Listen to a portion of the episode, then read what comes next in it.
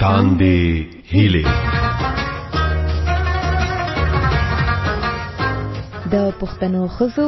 د چارو پاړه د مشال رادیو اونیزه خبرونه او تاندې هلي خبرونه کې مو زه فرخنده اسد هرکلی کوم په دې پروګرام کې د هغه شپاړس ورځنی کمپاین په اړه معلومات درکو چې مقصد یې پر خزو د تشدد مخنیوي کول دي را سره اوسئ.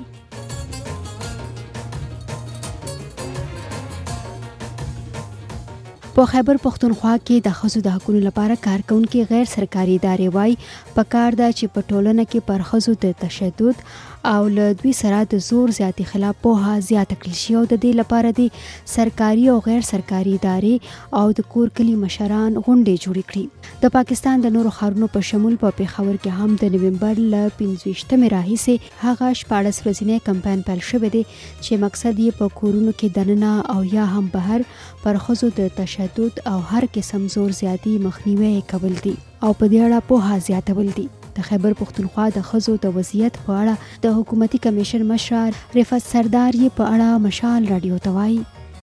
چې په دې د 25 لګه د 15 نومبر نه والی لسم دسمبر پورې دا موږ یو مهم چلو چې په خزو باندې کم تشدد کیږي دا غي خلاف نو د مهم کې مهم چلو له لپاره موږ ډیر زیاتې چې د نو اکټیویټیز پلان کړی او موږ هغه کو نو اوس هغه الریډي موږ شروع کړی دی پاګه باندې موږ کار شروع کړی دی او دا تقریبا یو شل قسم کې اکټیویټیز چې کوم لګه کارونه مونږ کړی دي نو پای کې داسې دي چې لکه په مختلف یونیورسيټیز کې مونږ سیمینار کو آګاهي خورولو د لپاره لکه دا تاسو والي چې په دغه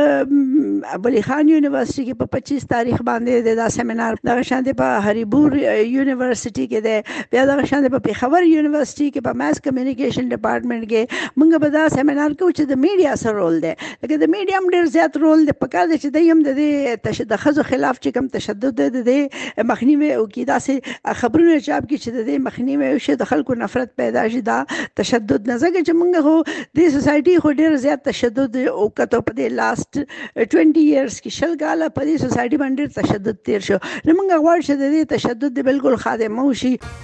اوریدونکو موږ په دې اړه د چارسدي تاج مینا ګل سره هم خبرې کړې دي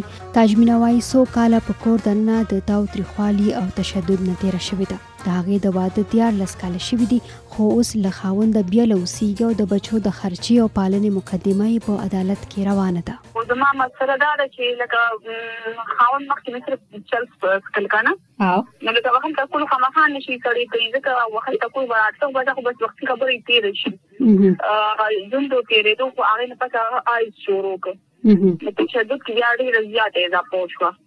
بیا ته چې لږه خو ویرا خو صرف په خلم او چې کله آی شروع کړم لږه بیا خو د مرګ کوشش را لکولو کله را باندې ډزو کا کله په چاړه را واخله نو بس خبره بیا زیاته شو یو پیری سړک باندې ګاډي تبا کولم نو بس د دې وجې زما چې چې بیا عدالت کې روزان نګارم او تاسو کیس کې څومره تاسو به د خلا کیس دایر کړی کنه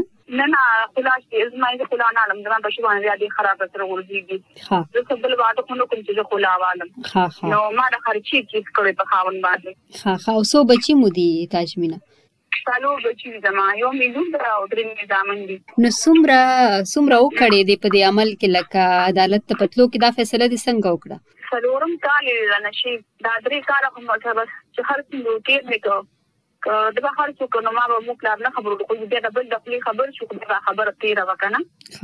نو بیا به یې څه نشو کولای خو چې د اخیری د باندې زه ډیر وخت لګوم چې زه به وښه شم په لار کې سره بیا زه پردو خلکو چې تکرم چا کړ د نه کړې مو دي په څیر کالو کو نو بیا مې روریان پلار راغم بیا زه کور ته راوستم بس هغه دې نه بعد کې نه دا چې په یو ورځ کې شي بیا موږ د دښمنۍ جوړ شي دا غي نه خبر دا چې ته خپل کور کې ناشته درې کال هم هغه سره په کور کې راخ او دا یو کال مو سره وشو ها څنګه وګورم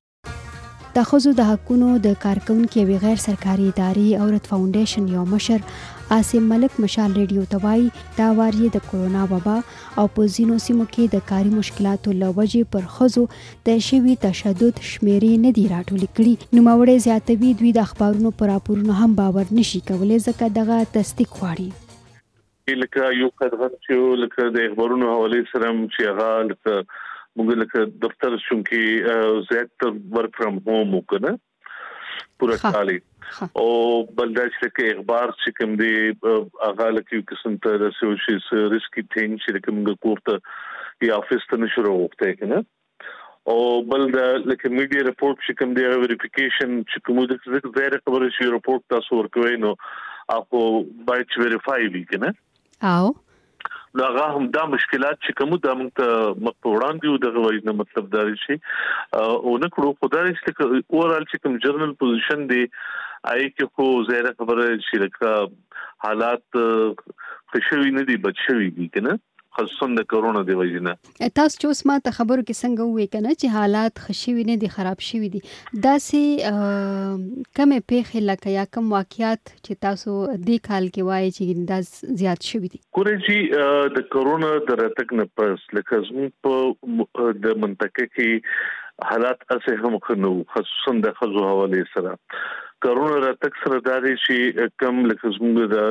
هغه خلک چې د ورځې مزدوري به کوله یا هغه خلک چې لکه مثال په تور موټرونانو رکشې وی چلولې یا ریډیبانو او یا چې کم دی لکه درمیانه طبقه چې کم پرایویټ ادارو سره منسلک و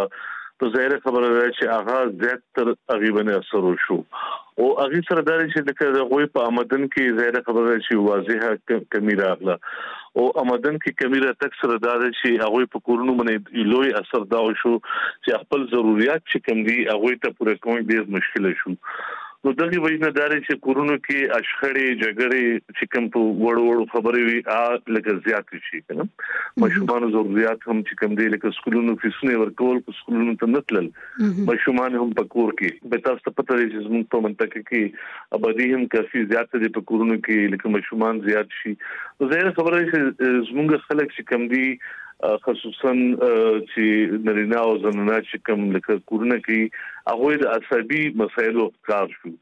او ښکار دی وجنه دا چې لکه موږ دا ګورو چې لکه داسې کیسونه چې موږ ته کوم ریفر کیدل هغوی کې یو ګڼ شمېر اضافه وشوه. د هېواد د نورو برخو په ډول په بلوچستان کې هم د ښځو د حقونو په اړه شپاړس ورځینی کمپاین پیل شوی دی. په دې ترڅ کې تېره اونۍ د نومبر په پنځه ویشتمه په کوټه کې یوه دستوره هم جوړه شوې وه چې مقصد یې پر ښځو د تشدد مخنیوی کول دي. پر دغه مهال د ښځو د تحفظ لپاره د غیر سرکاري ادارې عورت فاونډېشن د بلوچستان د څانګې مشر علاوالدین خلجي مشال ریډیو ته ویل چې د تیر کال په مقابل کې دا کال پر ښځو د کورني تشدد په پیښو کې زیاتوالی راغلی دی د تیر کال په نسبت دا څه زیاته ده کله ډومېسټک وایلنس کوم د کور په سطح باندې په شوزو باندې ظلم کیږي 12 کیسز د ګرد کال غول دا کال شپږ میاشتو کې 12 کیس رااله تیر کال یو 50 کیس د انر کیلینګ غول دا کال شپږ میاشتو کې و 10 کیس د انر کیلینګ د سیاکاری او د کاروکاری غمخ ترغلي دي چې ورته وګورې ورځ په ورځ په شوزو باندې ظلمونه زیاتیږي کمیږي نه موږ سرکار سره په دغه شیانو ډیماند کوو چې دا رنګ ورځ په ورځ کیسونه زیاتیږي چې کم قوانين جوړ شوی دي په دې باندې عمل درآمد زیات سه زیات شروع کی په تیزی کې او چې کم په پایپ لاین کې دي دا د زر سه زر په اسمبلی ته راوړي چې الته پاس شي د وادو چې کم بل دی د ماشومانو دا موږ غواړو چې اسمبلی ته راشي د دې علاوه د تیزاب ګردي یو بل دی چې دا ټیم په پایپ لاین کې تر اوسه نه جوړ په پاکستان کې د ټولنیز پرمختګ لپاره کارکونکې ادارې سسټینبل سوشل ډیولپمنټ په خپل یو وروستي راپور کې ویلي په دغه هیواد کې د 2021 کال په لومړیو میاشتو کې شپږ زره اووه سوه او څلور پنځوس ښځې تښتول شوې دي او له اتلس سوه نوي سره جنسي زیاتی شوی دی په دغو کې یوازې په اسلام آباد کې څلور دېرش د جنسي زیاتیو پېښې رپورټ شوې دي اوریدونکو تاسو مشال رادیو ته غوږ تبصرې شننې خبرونه رپورټونه عکسونه ویډیوګانې او د مشال اونیزې خبرونه زموږ په ویب پاڼه مشال ریډیو ډاټ کام کې لوستلې اوریدلې او لیدلې شئ اوریدونکو موږ په دې خبرونه کې پر ښځو د تشدد د مخنیوي او په دغه اړه د شپاړس ورځني کمپاین په اړه خبرې کوو په سواد کې له تیرو وو کلونو راهیسې پر خزو د تشدد د پیښو په اړه معلومات راټولولو غیر سرکاري ادارې دی اویکننګ مشر عرفان حسین بابک هلته په روان کال کې پر خزو د تشدد د مختلفو پیښو په اړه مشال ریډیو ته ویل پر خزو د تشدد ډیر کیسونه زیاتره وخت پټ پاتې شي مونږ په دې اړه له عرفان حسین سره یوه مرکه کړې او له هغه نه مو په سر کې په سوات کې پر ښځو د تشدد د پیښو په اړه پوښتلي دي دا ډیر اهمه موضوع ده چې تاسو په دې باندې دا پروګرام کوي څنګه چې تاسو ته پته ده چې زموږ تنظیم چې دینو دا د تیر وو کال نه د سواد کې چې کم د زنانو باندې تشدد کیږي دا غي په حق له ډیټا مونږ کلیکټ کو دا ډیټا مونږ مختلف د اخباراتو نه زموږ د نتورک ممبرانو نه د پولیس نه د مختلف سورسز نه دا ډیټا مونږه کلیکټ کو په دې کې به زه تاسو سره د یو څو کالو ډیټا شیر کما چې په کال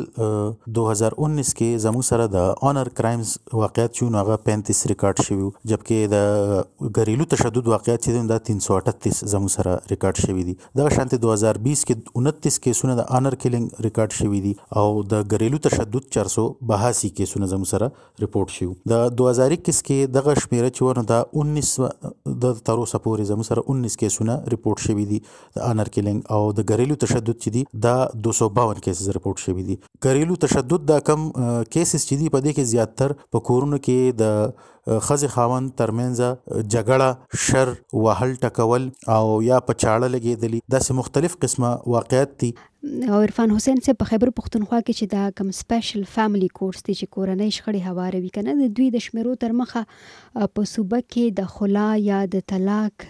او یا د ماشومانو د خرچې چې ورته مینټیننس کیسونه هم وای دا زیات شوي دي آیا دا رښتیا دي تاسو په دې اړه څه معلومات لرئ ستاسو خبره بلکل ټیک ده جی که تاسو زموږ جوډیشل سیستم وګورئ نو د داسې قسم وقایعو لپاره سپیشل فیملی کورټس زموږ سره جوړ کړل شوي دي او په هغه کې زیاتر کیسز چې دي نو هغه د ښځې خاوند ترمنځ د طلاق یا د خلي کیسونه دي یا د بچو د نه نفقې یا د بچو خرچه چې ورته ویل شي د دې کیسونه انتهايي زیات دي او د هغې مین وجه هم دا ده چې کله داسې قسم ودونه وشي په بچپن کې یا داسې نو په هغې کې زموږ سره د ښځې خاوند ترمنځ کوم ذهني هماهنګي چې ده کوم د کورونو ذمه واري چې ده کوم بوج چې دی په موږ باندې نو هغه دو دواړو ترمنځ نه او د هغې د لاسه بیا د دواړو په منځ کې رو رو کشیدګي سیوا کیږي هغه یون تشدد طرف ته خبره لاړه شي او پاغي کې په زنانه باندې عموما تور باندې یا تر تور باندې زنانه باندې تشدد کیږي نو د څه قسم واقعیات چې دي دا سیوا شوی دي د دې وس یو دوه وجوهات دي تاسو چې آیا کې سره سیوا شوی دي یا دویم وجه دا کېدای شي چې لکه دا د دې رپورټینګ سټارټ شوی دی چونګې نن سبا سوشل میډیا ډیره عام شوی دا او هر ځای ته هر ځای ته موبایل رسیدل دی او سوشل میډیا ته د هر چا اکسس ته نو په دې قسمه کیسونو کې نن سبا معمولی واقع او شي نو هغه هم په سوشل میډیا باندې رپورټ کیږي او د سوشل میډیا په ترو خلک چې دی هغه نه خبريږي د خیبر پښتونخوا حکومت وايي چې دوی د دوه زره یوویشتم کال په جنورۍ کې د کورني تشدد خلاف قانون جوړ کړی دی. دې ته تاسو څنګه ګورئ؟ زموږ د ریسرچ مطابق په دې قانون کې چونکې دا پکار وه چې دا سیډا چې کوم یو عالمي یو قانون دی چې د هغې مطابق دا قانون جوړ کړل شوی خو چونکه دا د هغې د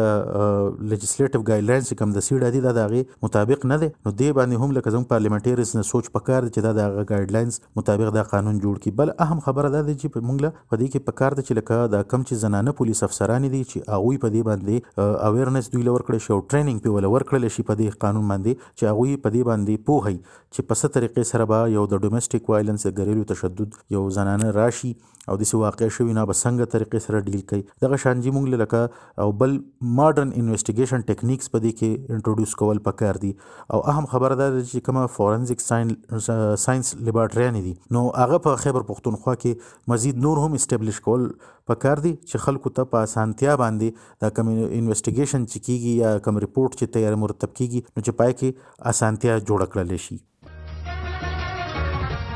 تاندې هیلې د پښتنو خزو د چارو پاړه د مشال رادیو اونیزه خبرونه د هرې چهارشنبه او اتوار په ورځ له مشال رادیو نه